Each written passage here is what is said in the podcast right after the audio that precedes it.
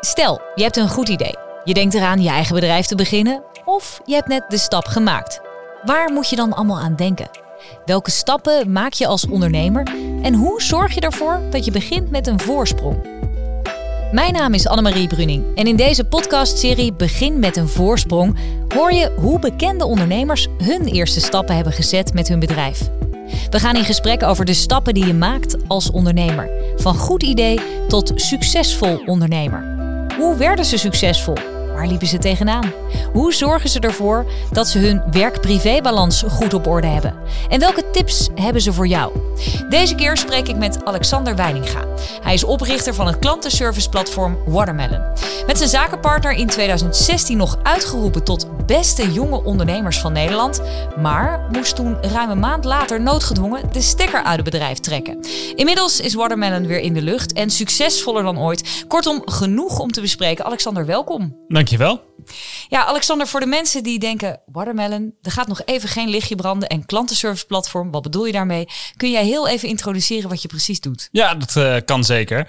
Watermelon is uh, software voor bedrijven, waardoor ze hun klantservice eigenlijk gemakkelijk kunnen automatiseren. En dat klinkt misschien een beetje cryptisch, maar je hebt natuurlijk de recente trends ook wel gezien omtrent uh, ChatGPT, de automatiseringsmogelijkheden van, van AI. En dat is eigenlijk wat wij in een, uh, in een ja, platform hebben gegoten waar je kunt beheren zonder dat je hoeft te programmeren. Dus je maakt als het ware een chatbot, die publiceer je op WhatsApp, Facebook, Instagram en die gaat de klantservice vragen voor jou beantwoorden. Ja, dus eigenlijk heel simpel. Jij komt op een website, bijvoorbeeld als consument, en je ziet daar vervolgens een chat verschijnen. Is dat dan wat het is? Bijvoorbeeld, ja, zeker. Ja, maar dat kan dus ook via WhatsApp of uh, andere social media kanalen. En ook inderdaad op de website. Ja, en die ja. reageert dan dus namens het bedrijf eigenlijk in eerste instantie. Ja, exact. En mocht die er nou niet uitkomen, dan zet hij het gesprek netjes door naar een, uh, naar een menselijke collega. Hoe ben je nou ooit op dit idee gekomen? Werd je wakker en dacht je, nou, ik ga een chatbot uh, klantenservice platform bedenken en opzetten? Ik denk dat niemand zo wakker wordt. Ik denk dat dat echt, uh, echt onmogelijk is. Um, maar ik ben, um, ik ben al een jaar of tien ondernemer en ik ben niet begonnen in deze business. Ik mm. ben uh, begonnen in de social media wereld. Ja? Um, het was helemaal hot en hip in 2012 natuurlijk. Facebook, ieder bedrijf moest op Facebook zitten en ik dacht daar kan ik wel een bedrijf in beginnen. En, en, en zo ben ik eigenlijk begonnen met, met, met ondernemen. En vanuit daar is de vraag gekomen van... joh, kunnen we niet een keer um, praten over WhatsApp? Want jullie doen uh, Facebook beheer en LinkedIn beheer... maar geen WhatsApp. En dat is toch een kanaal wat enorm populair is. Ja. En, en vanuit daar zijn we eigenlijk uh, verder gaan denken van... hey, hoe kunnen we die klant nou helpen in, in, in WhatsApp services? En toen hebben we software ontwikkeld... waardoor ze hun WhatsApp berichten heel gemakkelijk konden beheren in één overzicht uh, dashboard. En vanuit daar is het eigenlijk helemaal doorontwikkeld naar wat we nu zijn. Een platform wat je, waar je dus ook mee kunt automatiseren. Ja, nou is dit een beetje in een notendop natuurlijk eigenlijk het verhaal. Dit klinkt natuurlijk heel makkelijk, maar ik kan me ook voorstellen dat je dat niet zomaar 1, 2, 3 realiseert. Begin je dan met een soort ondernemingsplan als je zulke soort vragen krijgt en je wil uiteindelijk dat idee gaan uitwerken? Of hoe, hoe, hoe werkt zoiets? Ja, goede vraag. Idealiter zou je beginnen met een ondernemingsplan. Dat zou ik ook zeker adviseren. Um, echter, toen ik begon was ik 18. Um, ik kwam net van de HAVO. Ik heb een studie rechten geprobeerd en ik kwam er eigenlijk op het introductiekamp achter dat dat niet voor mij was.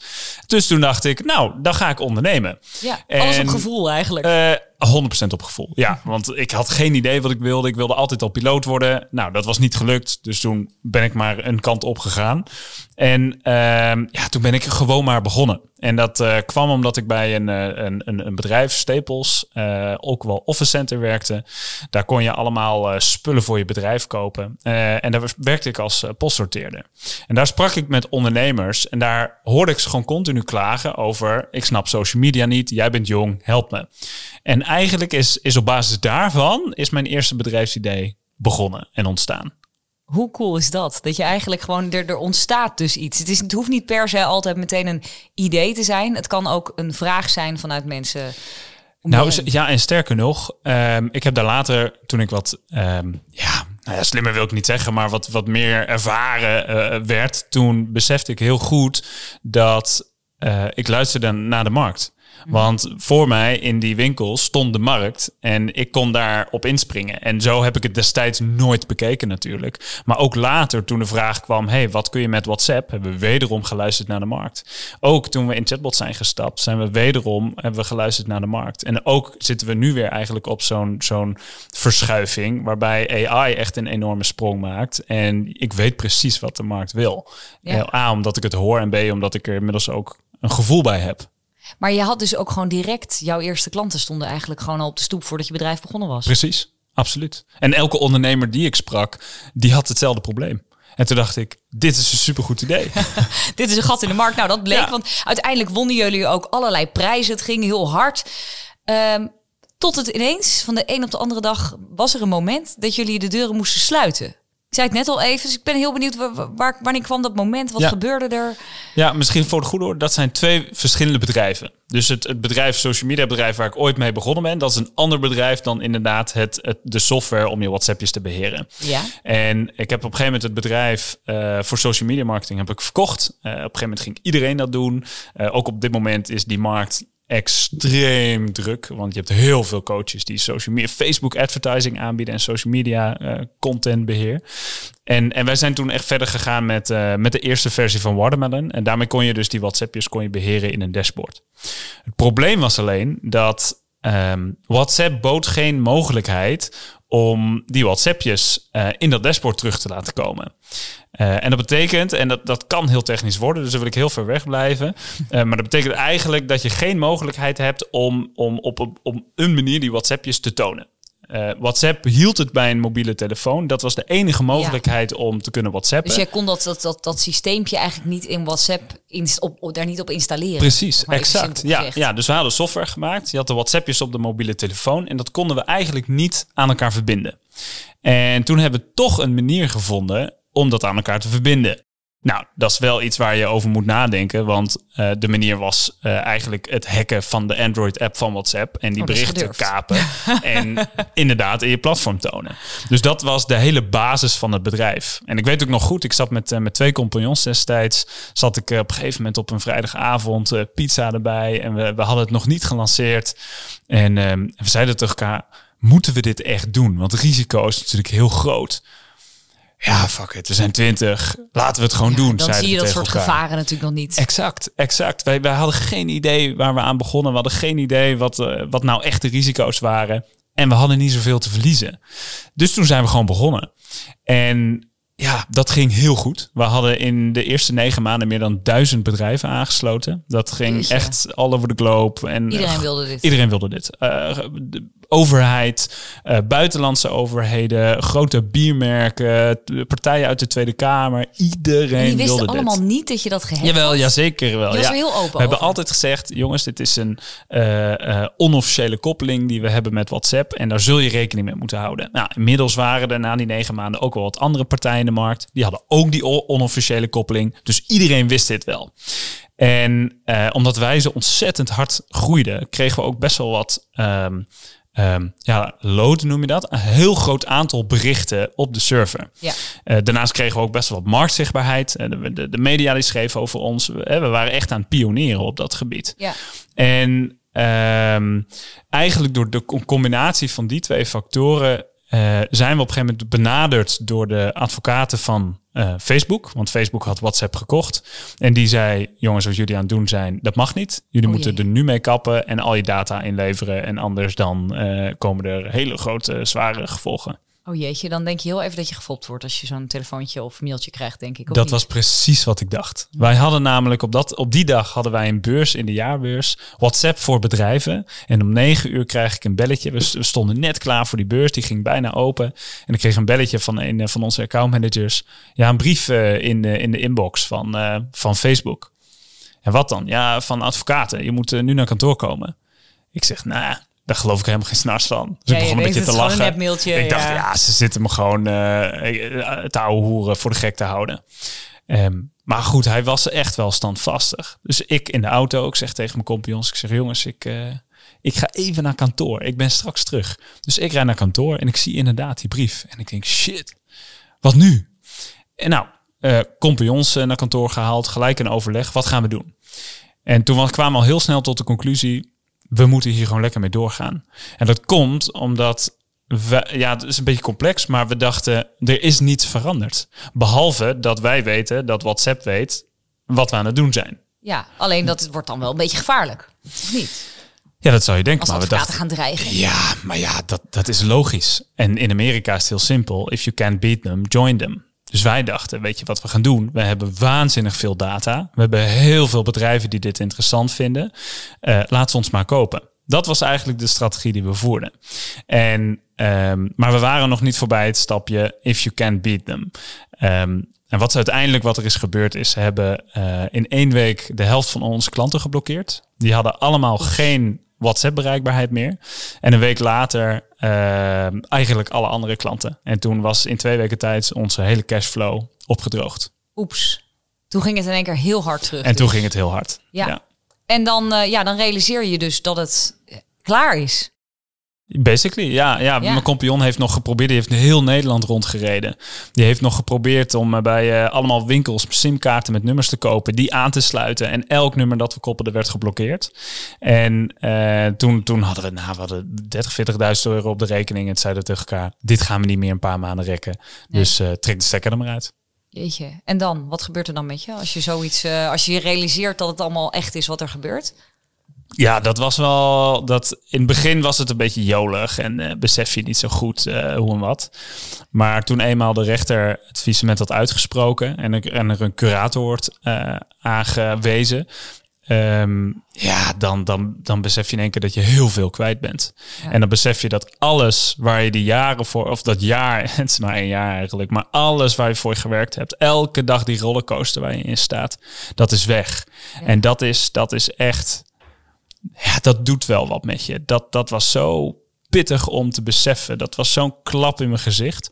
En daar had ik van tevoren niet goed over nagedacht. Dan doet dat wat met je op dat moment. Wat, wat, wat gebeurt er in je hoofd? Ja, wat, wat gebeurt er in je hoofd? Je, je beseft je dat, dat, dat, dat je het niet meer hebt. Je hebt geen bedrijf. Je personeel staat op straat. Eh, die heeft geen baan meer. Die wordt wakker en die denkt, wat nu? Je wordt zelf wakker en je denkt, niks.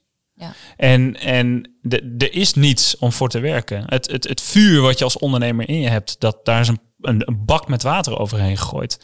En je, ja, je, je denkt, je, je bent gewoon, gewoon blown away. Ja. Omdat je toen besefte ik pas wat een faillissement echt inhield. En, en ja, ik, ik was verdrietig. Ik was niet eens, niet eens boos, maar ja, verdrietig. Teleurgesteld in mezelf. Eh, weet je, Ja. wat dat betreft komen alle emoties ook wel, ook wel, eh, komen ook wel langs. Ja, hoe, hoe herpak je jezelf dan uiteindelijk weer? Want ik kan me voorstellen, je bent, wat je zegt, er komt zo'n bak water over dat vuur heen. Ja. Je, je raakt eigenlijk even een enorme dip. ja. Ja, gigantische Ja, maar dip, ja. daar moet je op een gegeven moment weer uitkomen. Hoe, hoe doe je dat? Hoe sleep je hier doorheen? Nou, het is wel, dat is wel grappig, want ehm, dat was, ik ben in eerste instantie, Pokémon Go was toen helemaal hot en hip. En toen ben ik in eerste instantie, heb ik zo'n Ash Ketchum outfit gekocht en ben ik Pokémon gaan spelen. En dat was best wel leuk, want het was echt, ja, ik vond het vet, weet je, met 21, dat was cool en eh, je ontmoet andere mensen en het was nieuw. Het was echt, echt een, een innovatie op dat vlak. Dus daar ging mijn aandacht in eerste instantie naartoe. Het was zomer, het was heerlijk weer, dus ik, ik zat op zich best goed in mijn vel. En toen stond ik op een gegeven moment bij de oude gracht in Utrecht en ik stond Pokémon te vangen. Zegt een andere guy tegen mij, hey, eh, ben jij niet de gast van Watermelon? En toen dacht ik, ja, shit. En ja, dan moet je het hele verhaal weer, eh, weer uitleggen. Maar daardoor kon ik ook wel mijn, mijn, mijn, kon ik met mensen sparren eigenlijk. En mensen die het herkennen, die het verhaal wilden horen. En dan kun je er zelf ook wat meer over na gaan denken. Heb je ook alweer de ruimte in je hoofd om er, om er een verhaal van te maken. En, en uiteindelijk werd ik op een gegeven moment wakker op een zaterdagochtend. Lekker zonnig, vogeltje floot buiten. En ik dacht, hm, goeiedag. En ik belde even met mijn moeder. En mijn moeder, en dat weet ik nog echt zo goed, die zei tegen mij, Alexander, jij bent veerkrachtig genoeg om hier uit te komen. En toen zei ik tegen haar, dacht ja, dat is eigenlijk ook wel zo.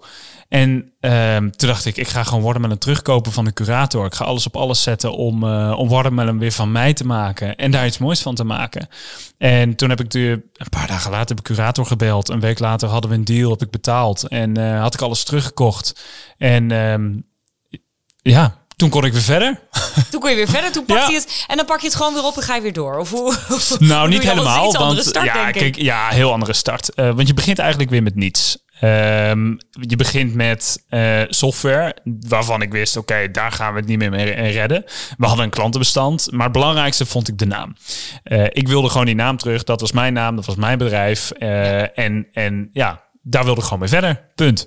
En ehm, toen heb ik gewoon een BV opgericht. Ik ben, we hadden al een plan B, hadden we natuurlijk uitgestippeld ehm, toen we voordat failliet gingen. En met dat, met dat plan B ben ik eigenlijk verder gegaan. Ja, dus dat plan lag eigenlijk nog in de kast. Exact. Ja. Ja. Nou ja, dat, dat lag in ons hoofd. En, en dat, dat is uiteindelijk ook waar het, waar het echte intellectueel eigendom zat. Dat was in ons hoofd. En daarmee eh, ben ik met één compagnon verder gegaan. De andere compagnon die had daar, eh, had daar geen behoefte aan. Die had een eh, flinke tik gekregen van, van het hele verhaal. Ja, dus, dus zodoende. En zo zijn we eigenlijk verder gegaan. En hebben gezegd, we gaan een dashboard maken niet voor WhatsApp. Maar juist voor chat, Facebook, Telegram, Instagram, al die andere kanalen. Ja, want ik wou inderdaad al, al zeggen, hoe voorkom je dat je de, dezelfde fouten gaat maken als dat je met je eerste bedrijf deed? Ging het bewust omzeilen, dus omdat je WhatsApp dus niet ging gebruiken? Of hoe? Ja, nou ja, één ding wat ik mezelf had voorgenomen: geen hacky koppelingen met andere software meer. Dat gaan we gewoon niet meer doen. Dat was echt iets en dat heb ik mezelf voorgenomen om überhaupt nooit meer te doen. Er is mij in de afgelopen jaren genoeg gevraagd om hier een koppeling te, ma- eh, te maken en daar een hacky koppeling te maken. Mijn antwoord was altijd nee. Want ik zie inderdaad wel die, die opportunity dan, maar het is het gewoon niet waard. Nee. Vroeg of laat krijg je er gezeik mee. En eh, dus dat was een heel belangrijk, is een hele belangrijke pijler van onze strategie. Dus hebben we gezegd, nou dan gaan we met tools aan de slag eh, eh, die wel een koppeling bieden. En Facebook bood dat. En Instagram biedt dat. En ehm, eh, chat konden we zelf maken. En zo zijn we eigenlijk verder gegaan. Ja, Alexander, wij kunnen hier dus nog uren over doorpraten, heb ik al zo'n idee. Maar eh, ik ben eigenlijk ook wel benieuwd. We hebben het nu voornamelijk over jouw eh, ondernemersleven gehad, dus het, werkende leven. Hè. Hoe gaat dat nou? Maar eh, het is natuurlijk ook belangrijk, hè, waar, ik, waar ik bij eigenlijk alle ondernemers altijd over hoor, die, die werk-privé-balans. Dat is altijd lastig om daar iets in te vinden. Nou ben ik een beetje ja, op internet gaan, gaan zoeken naar jou. En daar kwam ik iets tegen. ehm, eh, eh, eh, een soort van, ja, naar mijn idee, werk-privé-balans. Een soort lifestyle die jij hebt die bijzonder is. Kun je daar eens wat over vertellen? Ja, zeker, zeker. Ja, ik, ehm, het is altijd een vraagstuk, de, inderdaad, die werk-privé-balans. Want enerzijds vind je je werk ontzettend leuk en wil je er heel veel tijd aan besteden. Anderzijds gebeuren er ook wel eens, of zijn er ook wel eens periodes in je werk dat het gewoon even wat minder gaat. En in die periodes is het heel belangrijk dat je kunt terugvallen op een, op een stabiel privéleven. Althans, Ja. dit, is, dit is mijn filosofie. De basis. Exact, Ja. precies. En ehm, ik merkte eigenlijk dat als ik zo'n terugval had, als ik gewoon zoiets had van oké, het gaat even iets minder, dan had ik niets om op terug te vallen. Het enige wat ik had was mijn werk. En eh, ik besefte al redelijk snel dat dat niet helemaal gezond was. Ehm, en ik praatte alleen maar over mijn werk, mijn relaties. Ik kon nergens anders over praten. En ik wilde alleen maar praten over wat ik aan het doen was. En ja, ik heb best wel gestruggeld met ehm, ja, die manier van omgang. Hoe moet je nou je bedrijf verwerken en alle informatie die je moet processen in als je een keer wat met vrienden gaat doen Ja, bijvoorbeeld. dan moet je ineens een soort harde stop maken in je hoofd van ik ga het nu niet over mijn werk hebben. Exact. Dat, dat voelt natuurlijk niet natuurlijk. Precies, precies. Het voelt niet natuurlijk. En mensen beginnen je ook een beetje irritant te vinden. Omdat je alleen maar over één ding praat. Alleen maar hetzelfde. Ja, dat snap ik wel. Dus, dus daar heb ik best wel lang mee gestruggeld. En op een gegeven moment kwam dat ook wel op een punt dat ik dacht... Ja, hallo, ik wil, ik wil ook lezen. En ik wil mezelf blijven ontwikkelen. En ik wil, ik wil gewoon gezond zijn. En ik merkte dat dat... Naarmate ik ook ouder werd, want ik ben natuurlijk heel jong begonnen, dan merk je dat allemaal niet. Maar naarmate ik wat ouder werd, ik ben nog steeds jong, eh, maar dan merk je wel, ja, je moet toch wel lekker sporten en wat gezonder eten. Want anders dan, dan, dan ja, is het een soort kaartenhuis wat in elkaar valt. Ehm, en toen heb ik, eh, ben ik een boek tegengekomen en dat ging over vijf uur opstaan. En dat, dat bood me eigenlijk een, een manier Ja. om en te sporten eh, en af en toe te mediteren. En, en hoe zit dat? Even v- vijf uur opstaan. Neem ons even mee. Hoe ziet jouw dag er dan uit, zeg maar? In een notendop? Nou ja, mijn dag begint met een, zoals dat heet, een victory hour. Dus om vijf uur 's ochtends, dan begin ik met, een, eh, met, een, eh, met één uur voor mezelf. En dat is om vijf uur. En dat is omdat er nog niemand wakker is. Dus niemand stoort je. En je dus je kunt ook ja, niet heel veel aan je werk doen. Dus dan ga ik sporten. Doe, doe ik 20, 25 minuten. Ga ik lekker, eh, lekker sporten. Daarna ga ik mediteren. Daarna schrijf ik in een journal. Dan maak ik echt een planning voor de de dag. Daarna lees ik in een boek uh, voor inspiratie. En dan is zes uur. En dan uh, ja, ga ik, ik douchen, aankleden. Ga ik naar mijn werk zitten. Kom zeven uur op kantoor. Knal ik tot, tot een uur of zes, zeven. Uh, dan eet ik. En om acht uur begin mijn avondritueel. Omdat ik dan ga slapen. En dat doe je iedere dag? Dat doe ik iedere dag. Behalve in het weekend. Ja. Dan werk ik overdag wat minder. Dan werk ik wat minder. Ja. Oh, heb je, maar je hebt wel vrij ook. Ja, mijn zaterdag, dat noem ik mijn weekly sabbatical. Dan werk ik helemaal niet. Maar dat is één dag in de week, dan werk ik gewoon niet. En dat is ook wel lekker, want dan dat is ook weer goed voor de creativiteit. Ja, precies. En dat is dus ook echt een hele bewuste vrije dag. Daar komt eigenlijk niks tussen. Daar komt in principe komt er niets tussen, tenzij het echt heel belangrijk is. Ja. Maar dat ritme, wat, wat, wat helpt dit jou? Eventjes, ik ben benieuwd naar wat, wat dit met je doet als je zoiets doet. Dus echt op tijd naar bed gaan, om vijf uur ochtends opstaan, zo'n structuur. Ja, ik hou van structuur. Dat, dat sowieso. Ik ga daar heel lekker op. Um, en wat ik, ik, ik probeer zo minimalistisch mogelijk te leven. In zowel uh, spullen als gebruiken. Dus ik heb vaak dezelfde kleding aan. Hoef ik niet over na te denken. Ik ga op hetzelfde tijdstip naar bed. Hoef ik niet over na te denken. Ik ga sta op hetzelfde moment op. Hoef ik niet over na te denken. Mijn eerste uur van mijn dag. Hoef ik niet over na te denken. Wat ik ontbijt ochtends. Hoef ik niet over na te denken. Ik zit in de automatiseringsbusiness. Maar ik probeer ook in mijn privéleven heel veel dingen te automatiseren. Zodat ik echt mijn focus kan hebben op mijn bedrijf. Kijk, en dan ga je toch nog een beetje werk, gaat er dan door op dat ritme van je dag, hè? automatiseren. Ja, sowieso. ja, 100 procent. Ja, ja, ja. Nou, daar kun je volgens mij een heleboel over lezen in allemaal blogs die jij schrijft. Uh, ja. Maar uh, ik wil afsluitend eigenlijk ook nog even een, een, een korte tip aan jou vragen. Is er een advies wat jij aan ondernemers mee zou willen uh, geven? Startende ondernemers bijvoorbeeld, die denken, nou, ik, de, de wereld ligt, ligt open, ik wil aan de slag met mijn bedrijf. Wat moet je dan echt doen of misschien wel niet doen?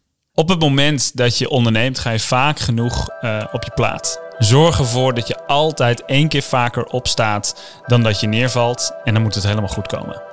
Ja, en vooral weer veerkrachtig zijn volgens mij. Zoals je in het begin ook dat is, Dat is de essentie ook van ondernemerschap. Ja. Dankjewel, Alexander Weininga van Watermelon. Leuk dat je luisterde naar deze podcast. KVK krijgt veel vragen over starten. Wil je nou meer weten hierover en over de KVK Start Events? Ga dan naar kvk.nl slash startevents. Voor nu bedankt voor het luisteren.